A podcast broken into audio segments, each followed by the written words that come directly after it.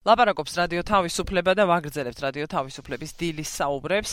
დღეს გადაცემაში ჩვენ ლაპარაკობთ აზარტული თამაშების წინააღმდეგ მიმდინარე კამპანიაზე, ლაპარაკობთ პეტიციაზე, რომელზე პასუხიც იმ ხარდაჭერის გამო, რომელიც ამ პეტიციამ მოიპოვა, ევალება ხელისუფლებას, ეს ვადა ხვალიწურება, ანუ სამთვიანი ვადა გავიდა და ვაგრძელებ გადაცემას ნინი წულაძესთან ერთად. მოძრაობა ჩვენი ხმის დამფუძნებელი გახლავთ დილამშვიდობის და დიდი მადლობა. დილამშვიდობის, მადლობა თქვენ მოსვევისთვის. აა თუ შეიძლება ერთი ორ კომენტარს წავიკითხავ, რომელიც მოვიდა და ჯერ ვერ მოვასწარი ქალბატონ ანასთან ერთად. კი ბატონო. აა ლუდომანია არის დაავადება, სოკოებივით არის მომრავლებული ხალხმრავალ ადგილას და უნებისყოფო დაავადებული ხალხის გაუბედურების ხარჯზე მდიდრდებიან ფლობელები. არ მხოლოდ ხო ყოველას ხარჯზე ვინც მონაწილეობს შეიძლება ასე ითქვას, მაგრამ ადამიანების ნაწილისთვის ეს იქცევა ხოლმე მართლაც უკვე ჯამრთელობის პრობლემად და არა მხოლოდ ამას ბევრი სხვა კომპონენტი ახლავს კიდევ. მოხარული ვიქნები თუ საერთოდ ქალაქიდან გაიტან გაიტანოთ, ხო, გაიტანთ ყველა სათამაშო სახს, გაუბედურდა ხალხი უკანასკნელ ნივწყიდიან სათამაშოდ აღარ ვამბობ მოზარდების ფსიქიკურ აშლილობაზე. მიდიან თვითმკვლელობამდე მე აკრძალ აჭრელებული მიჭირს ცოტა ნარეულად წერია ინტერნეტ სივრცე იქნება აღარც რეკლამები მიდიოდეს მობილურზე ტელეფონები დააბინძუროს ამ რეკლამებით მინდა ჯანსაღი ახალგაზრდობა გაიზარდოს ციგნებით მიიღონ განათლება თორემ უვიცებით გაივსო ქვეყანა. მართალია მოაშორონ კაზინოები არის კიდევ ერთი. რეკლამები რატომ უნდა მოიხსნას ლურჯი ავტობუსებიდან? აი ეს არის რაც მოვიდა კომენტარები. ძალიან დიდი მადლობა ამ აქტიურობისთვის ჩვენს მსმენელსა და მაყურებელს. ტელეფონითაც შეგიძლიათ დაკავშირება 2988 327-ზე. და თუ შეიძლება ნინი ვიდრე საუბარს გავაგრძელებდეთ, წავიკითხავ აგრეთვე რომ უფრო ესე ვთქვათ, კაფეო იყოს პეტიციის მოთხოვნებს. წინა ნაწილში ცოტა გვისაყოდროს ვენალმა ქალბატონ მანა მილაპარაკა ამაზე, მაგრამ ახლა ვინმე თუ შემოგვიერთით, გეტყვით ამ პეტიციაში, რომელიც გასული წლის შემოდგომაზე შეიქმნა და მალევე მოიპოვა დადგენილ დროში 10000-ზე მეტი მხარდაჭერა. ესე იგი მოთხოვნებია პირველი სასწრაფო დაიგრძალოს 25 წლამდე, ასე კი საქართველოს მოქალაქის აზარტული ან მომგებიანი თამაშობის მოწყობის ადგილას შესვლა ან თამაშობაში მონაწილეობა და რეგისტრაცია ამ დრომდე რეგისტრირებულ მომხმარებლებს შეუჩერდეთ სტატუსი და შეეზღუდოთ თამაშის უფლება. მოხდეს აკრძალვის ზედმიწევნითი აღსრულება. პრობლემის სიმწვავიდან გამომდინარე მთავრობამ სასწრაფოდ გამოყოს სახსრები ლუდომანი დაავადებულთა დასახმარებელი პრევენციული პროგრამებისთვის, მათ შორის ცხელი ხაზის ასამოქმედებლად. მეორე სასწრაფოდ სრულად დაიგრძალოს როგორც სახმელეთო, ასევე სისტემური ელექტრონული ფორმით მოწყობილი აზარტული და მომგებიანი თამაშობების ყველა სახის რეკლამა, პოპულარიზაცია და სპონსორობა. აკრძალვა მათ შორის უნდა შეეხოს ტელევიზიას, რადიოს, ინტერნეტ მედიას, სოციალურ მედიას, ციფრულ ვებგვერდებს, ბლოგებს, გარე რეკლამებს, განთავსებულ ბილბორდებზე, ლაიტბოქსებზე, ავტობუსებზე, ავტობუსის გაჩერებებზე, სამარშრუტო ტაქსებზე და ასე შემდეგ. მესამე. სასწრაფოდ გამკაცრდეს სისტემური ელექტრონული ფორმით მოწყობილი აზარტული და მომგებიანი თამაშობების რეგულირება, ამასთან თავრობამ სასწრაფოდ წარმოადგინოს სისტემური ელექტრონული ფორმით მოწყობილი თამაშობების ხელმისაწვდომობის მაქსიმალური შეზღუდვის გეგმა, ჩემ თავზე მეცინება, როცა ჩქარო ვკითხულობ, რომ ვერ ვკითხულობ. მეოთხე სასწრაფოდ ხელისუფლებამ წარმოადგინოს ტურიზმის ზრდის ამოცანასთან დაკავშირებული დასაბუთებული გრძელვადიანი გეგმა, რომლის ფარგლებშიც ხმელეთის კაზინოები განთავსდება კონკრეტულ სპეციალურ ტურისტულ ზონებში, ამაზეც ვილაპარაკეთ ნაწილობრივ და დამოკიდებულმა ადამიანმა თუ თვითონ არ მოინდომა კომენტარი ასეთი და არ გადალახა საკუთარ თავთან ერთად ვერავინ და ვერაფერი უშველის თამაშზე დამოკიდებულება ხდება ოჯახების დაანგრევის მიზეზი, სუიციდის მიზეზი და ასე შემდეგ. კიდევ ერთი კომენტარი კლაუსტროფობიაც დაავადება და ლიფტები აუკრძალოთ არ არის ასე.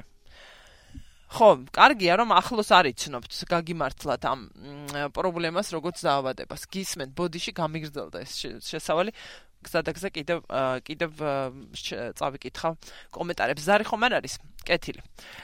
მოგესალმებით კიდევ ერთხელ. მოდით დავიწყოთ პირველი კომენტარიდან. აი დაავადებას რაც შეეხება, მინდა აღვნიშნო, რომ სოფლიო ჯანმრთელობის ორგანიზაციამ ლუდომანია, როგორც დაავადება უკვე აღიარა და მას კონკრეტული კოდიც მიანიჭა და ეს ნამდვილად კარგი იქნება თუ ყველა გავიზიარებთ და გავიაზრებთ ამ ნაწილს, იმიტომ რომ დაავადება, რომელიც იწვევს, რომელიც გახლავთ დამოკიდებულება და იწვევს, როგორც ერთ-ერთმა აღნიშნა, იწვევს ოჯახების დანგრევას, უძრავ და მოძრავ ქონებას, საკუთრებების დაკარგვას, სუიციდამდე მიყავს ადამიანი და ამ დროს ადამიანის ფსიქიკა არის უკონტროლო და დაუმორჩილებელი, ამიტომ აქ თავისუფალი ნება ადამიანის თავისუფალ ნებაზე უნდა არ უნდაზე და იმაზე რომ საკუთარი გადაწყვეტილები თუ დაეხმაროს საკუთარ თავს და მხოლოდ თავისი აზრი არის აქ მნიშვნელოვანი და რაღაც თავისუფალ ნებაზე და ადამიანის თავისუფლებაზე აპელირება არ არის ვფიქრობ მიზანშეწონილი, იმიტომ რომ ამ ადამიანებს ჭირდებათ დახმარება, ჭირდებათ ფსიქოსოციალური რეაბილიტაციები,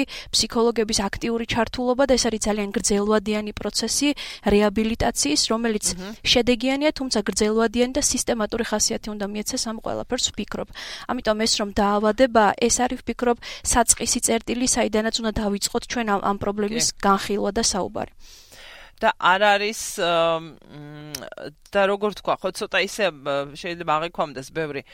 თუნდაც ის რომ ისიც სირთულეა ხა ნებას რაც უკავშირდება ეს არის ის რომ ადამიანმა რაღაც წილად მაინც გაათვითცნობიეროს რომ ის არის დამოკიდებული უკვე ამ თამაშებზე და მას უნდა რა თქმა უნდა გაუჩნდეს სურვილი იმისი რომ ამ მდგომარეობას თავი დააღწიოს. თუმცა მარტო ძალიან რთულია ამის გაკეთება ღმერთმა ქნას რომ ყველამ შეძლოს ეს და ყველაფერზე დამოკიდებულებას ეხება, მაგრამ სამწუხაროდ ასე არ არის და ადვილი არ არის, საკმაოდ რთული კონდიცია. და ხო, აქ ოჯახის ჩართულობა ძალიან მნიშვნელოვანია, ну იმდენად სისტემური პრობლემაა. ოჯახს, აი კონკრეტულად ლუდომანიის შემთხვევაში. აი დღევანდელ პირობებში ჩვენ აქ აღნიშნული გვაქვს მოთხოვნებში ცხელი ხაზი ტყუილად ცხელ ხაზე არ გაგვიმახვილებია ყურადღება და სარეაბილიტაციო პროგრამებზე. დღეს საქართველოში არ არსებობს მსგავსი მიმართულებით არც ცხელი ხაზი, არც სარეაბილიტაციო ფსიქოლოგიური ცენტრები. ეხლა დაიწყო საუბარი პასუხისმგებლიან ბიზნესზე და ეხლა გაფორმდა შეთანხმებები სხვადასხვა ფსიქოლოგიურ ცენტრებთან. ჩვენ ჩვენი კამპანიის აქტიური კონტრიბუცია ვფიქრობ ესეც. თუმცა აქამდე არ იყო ეს ყველაფერი. ლუდომანებს უბრალოდ და თავიანთ ოჯახებს თავიანთი მატერიალური დანახარჯებით უწევდათ კონკრეტულად ფსიქოლოგიური მომსახურების მიღება და ეს ძალიან დიდ ხარჯებთან არის მოგეხსენება დაკავშირებული ყველას არ ხელეწიფება ეს რომ ფსიქოლოგთან იაროს და მიიღოს მისგან თქვა დამშვიდდეს და სუიციდის სურვილი არ გაუჩნდეს ან სხვა უფრო მეტი უფრო მნიშვნელოვანი პრობლემები არ განაპირობოს. ამაზე ამდეგობრივი დამოკიდებულება იყოს სხვათა შორის აი ხა რაც თქვით პასუხისგებლიანი ბიზნესი და რომ თვითონ თქვა სათამაშო ბიზნესი ამაში ფულს დებს ძალიან ისეთი მცხარე დისკუსია იყო, საინტერესო დისკუსია სხვათა შორის სოციალურ ქსელში. თქვენ მივხვდი რა პოზიციაც გაქვთ. ანუ არაფერი არსებობს და ასე მაინც ვიღაცას ექნება საშუალება. ეს ანუ მე უბრალოდ აღნიშნე რომ საერთოდ არ არსებ არ არსებობდა აქამდე და ეხლა დაიწყო ეს საუბარი. ეს პასუხისგებლიანი ბიზნესიც როგორც გაუტონო ანა მახსენა არის საერთაშორისო გამოცდილება ძალიან ბევრ ქვეყანაშია ეს და ჩვენ უბრალოდ ეხლა შემოვიღეთ და ეხლა გადმოვიღეთ იმიტომ რომ იმდენად არარეგულირებულია და იმდენად თავაშვებულია უკვე ეს ბიზნესი რომ აი კიდევ ერთხელ სცადეს რაღაცით თავიანთი დანაშაულის შემსუბუქება და ისიც მხოლოდ ერთმა კომპანიამ შემოიღო. ჯერ ევროპა ბეთმეს ანუ დანერგა თავის ბიზნესში ეს ნაწილი ეს უბრალოდ არის ეს მაინც იყოს ხო აი ამ ეს შეიძლება. აქ აქ საჭიროა სახელმწიფოს მხრიდან პასუხისმგებლობის გრძნობა და სარეაბილიტაციო პროგრამების გაჩენა და დანერგვა რომელიც ლუდომანებს სრულად უსასყიდლოდ დაეხმარებათ ფსიქოლოგიური პრობლემების მოგვარებაში და ცხელი ხაზი და ეს პროგრამები, რაზეც ჩვენ მოთხოვნებში გვაქვს გამახვილებული ყურადღება, ფიქრობ არის ძალიან მნიშვნელოვანი. იმიტომ რომ ოჯახის წევრ, ანუ აქ ჩვენთან ახლა დედები აქტიურად არიან ჩართული და ლუდომანების ოჯახის წევრები ფაქტობრივად იმდენად ნულზე დაიყვანეს ლუდომანებმა ოჯახის მატერიალური მდგომარეობა თავიანთი დაავადებიდან გამოწვეული შედეგებით ეს თამაშზე დამოკიდებულებით რომ ოჯახს ფაქტობრივად არ აქვს იმის მატერიალური შესაძლებლობა რომ უმკურნალოს ამ ადამიანებს. და ელემენტარულად დაღუპვისკენ რომ არ წავიყვანოთ ეს ადამიანი და ხელი შეუწყოთ მათ რესოციალიზაცია, რეაბილიტაცია, საზოგადოებაში დაბრუნებას რომ ხელი შეუწყოთ ამისთვის არის ვფიქრობ ესენი აუცილებელი. ა ნინი წულაძეა ჩვენი სტუმარი მოძრაობის ჩვენი ხმა დამფუძნებელი ვლაპარაკობთ ვაგრძელებთ საუბარს აზარტული თამაშების წინააღმდეგ მიმდინარე კამპანიაზე და გეტყვით კიდევ ერთხელ რომ ხვალ იწურება ვადა პეტიციისა პეტიციაზე ხელისუფლების რეაგირების უკაცრავად, რომელშიც რომელიც ჩამოთვალია ეს მოთხოვნები. ზარი გვაქვს დილამშვიდობის გისმენთ ბრძანეთ. დილამშვიდობის გამარჯობა. გამარჯობა. 25 წელი სტაჟი მაქვს ლუდომანის. 25 წელია ლუდომანი ვარ, დავახციე თავის აგმავა ერთი თვია რა დავახციე თავის. აჰა. აა ყველაფერი მინახავს, ჩამოკიდებული კაცი ჩავომიხსნია. ყველანი უნდა ყველამ უნდა ვებძოლოთ. აი ყველა ლუდომანეს ვიმართავ პირველ რიგში, ჩვენ უნდა ვებძოლოთ, არ უნდა ვითამაშოთ, არ უნდა მივიდეთ, არ უნდა შევიდეთ. ნუ ხელისუფლებას თქო კარგი იქნება საერთოდ აიგრძალოს, საერთოდ გაძევდნენ ჩვენი ქვეყნიდან რა. ტელევიზიებს თქო, სიუჟეტებს ვამზადებთ. დიახ. 15 წუთიანი სიუჟეტები გადის ამ საკითხთან დაკავშირებით და სიუჟეტის დასრულებისთანავე გადის ტოტალიზატორის რეკლამა. უარი უთხრან ტოტალიზატორებს, ხელისუფლება ფედერაციებს თქო. ლიდერბეთის დიდი 10, კრისტალბეთის ეროვნული ლიგა, არაფერი კარგი არ მოაქვს ლიდერბეთს, კრისტალბეთს და ამნაირებს ჩვენთვის. თქვენ მარტო მოახერხეთ ამის გაკეთება? მარტო მოახერხე, ამაშიც თვითონ დამეხმარდნენ. დამეხმარა მათი მარკიერი მხარეები, იმიტომ მოახერხე, რასაც ვაგებდი და ვაგებდი ათასების წაგების მერე. ნომერ პირველ კომპანიასთან მქონდა ამ ბოლო დროს ესეთი შეცხება, კაპიკებს რომ მოიგებ, იმასაც არ გაძლევენ. სლოტ კუპებს უამრავი შემთხვევა ვიცი. სლოტ კლუბებში, კაზინოებში მიდიან პირდაპირ უთიშავენ აპარატს თუ ათასების წაგების მერე რაღაც ელემენტარულ კაპიკებს რო იგებ, გითიშავენ აპარატს. მაგრამ მოგებულ თანხასაც არ გიხდია რა აზრი აქვს თამაშს მაგიტო ეუბნები ლუდომანეს და არანაირი აზრი არ აქვს თამაშს წააგებ წააგებ წააგებ როცა მოიგებ იმპულსაც არ გაძლევენ. ყველა ამის ყველა მაგალითები მაქვს. იციან თვითონ იციან ტოტალიზატორებმა გიორგი ვარ ჯენგო ჯენგო ვარ. ყველა მიციან ტოტალიზატორებმა იციან მას თვითონ თავრობაში ხავთ ფარველები მთავრობაში ხავთ ხალხი გასაგებია ყავთ მაგრამ სხვები სხვა არიან ამ თავრობაში არა საერთოდ უნდა აიგრძალოს. კარგი, არაფერი არ მოაქვს ამ ტოტალიზატორებს და კაზინოებს ჩვენი ხალხისთვის. ქუჩაში დღესდღეობით აპარატებით გაზა 12-13 წლის ბავშვები თამაშობენ. კანონში გვა კანონი არის, მაგრამ კანონს დაცვა უნდა, კანონის შედგენა ხო არ არის მარტო. არის აპატერიაზე დაპარაძე 21 წლამდე არ დაიწყო, მაგრამ ფაქტიურად რეალურად თამაშობს, ხო? 21 წლამდე ადამიანი ზედაწერია და თამაშობს. გიორგი შვილი ყავთ ან შვილები? რა თქმა უნდა, შვილი როგორ არ ამყავს, ორი შვილი მყავს. მადლობა. მადლობა ზარისთვის. მადლობა რომ მოგვიყევით. აა დიდი მადლობა ამ ზარისთვის. მ წერენ კიდეც. ხო, ასაკი უნდა გაიზარდოსო. ძალიან მადლიერი ვარ ამ სმენელის რომ დაგვირეკა და გაგვიზია. ნამდვილად სამოტივაციო ზარი იყოს დანარჩენი ლუდომანებისთვის. იმიტომ რომ ეს არის მაინც საკუთარ თავში რაღაც უნდა აღმოაჩინო. ეს 25 წელი ტყუილად შერჩეული ასაკი ნამდვილად არა არა 25 წელი ამ შემთხვევაში ასაკს არ ვამბობ 25 წლის განმავლობაში ვიყავი ამოკიდებული ამაზე. კი ბატონო. ოჯახის წევრი უნდა გაყვეს ჩუმად და გააშავოს ყველგან სადაც შევა სათამაშო და ამ წერს ერთ-ერთი ჩვენი მაყურებელი არ არის გარანტია რომ აღარ შეუშვებენ, მაგრამ იმდენი კაზინოა თუნდაც სადგურის მოედნის ტერიტორიაზე ყველგან ვერ დაუდარაჯდები. ვერ ეგ არის, ხო? ძალიან რთულია ამის კონტროლი.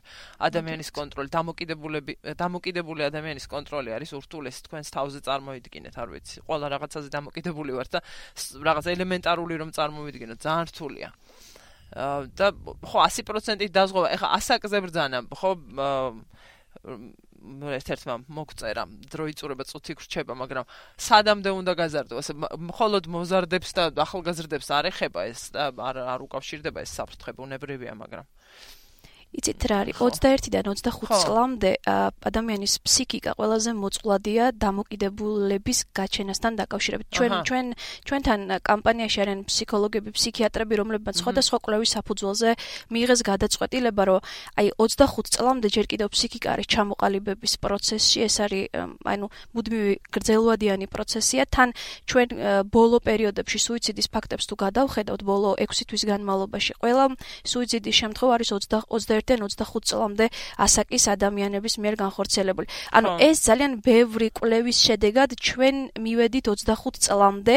ანუ ასე მართალი ხართ ვერ გავზრდით. შემდეგ შეიძლება შედეგი არ იყოს 30-მდე, მაგრამ ეს არის ელემენტარული საცდელი საწყისი ცდელობა ჩვენგან, რომ თავი დავიზღვიოთ სამომავლოდ პრევენციული ღონისძიება გავატაროთ, რომ თავი დავიზღვიოთ სუიციდის მცდელობებისგან, ოჯახების დანგრევისგან და ეს ასაკი მე ვფიქრობ, რომ უკვე ადამ 25 წლის ასაკი არის ფსიქიკურად გაწონასწორებული, ჩამოყალიბებული და ნაკლები შანსია იმის, რომ მას დამოკიდებულება გაუჩნდეს ესე აქტიურად აზარტულ თამაშებთან. დრო არ გვეყო რა თქმა უნდა. ძალიან დიდი მადლობა უნდა გითხრათ. ნინი წულაძე იყო ჩვენი სტუმარი მოძრაობის ჩვენი ხმა დამფუძნებელი. დღევანდელ გადაცემაში ჩვენ ყავდა სტუმრად ანა დოლიძე ასევე პირველ ნაწილში და ვლაპარაკობდით აზარტული თამაშების წინააღმდეგ მიმდინარე კამპანიაზე და პეტიციაზე რომლის რომელზე რეაგირების ვადაც ხვალ ეწურება ხელისუფლებას. ძალიან დიდი მადლობა თქვენ და ძალიან დიდი მადლობა ჩვენს მაყურებელსა და მსმენელს ასეთი აქტიურობისთვის. ვინც არ დაგვიკავშირდით მათაც ძალიან დიდი მადლობა რადიო თავისუფლების დილის საუბრებს უსმენდით თქვენ გემშვიდობებით ხვალამდე